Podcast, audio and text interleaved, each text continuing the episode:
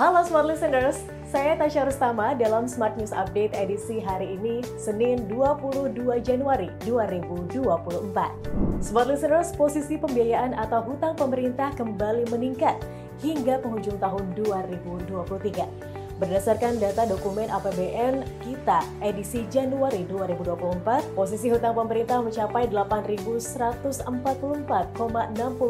triliun rupiah sampai dengan 31 Desember 2023. Nilai itu meningkat sekitar 103,68 triliun rupiah dari posisi pada bulan sebelumnya.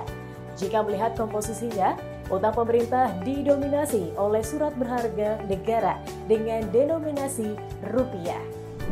Berita selanjutnya, Kementerian Koperasi dan Usaha Kecil Menengah mengungkap ada sembilan bank yang diduga meminta agunan kepada penerima kredit usaha rakyat atau KUR.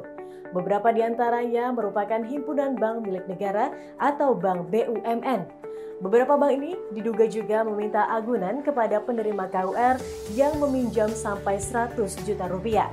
Padahal dalam aturannya, KUR sampai 100 juta rupiah tidak dikenakan agunan.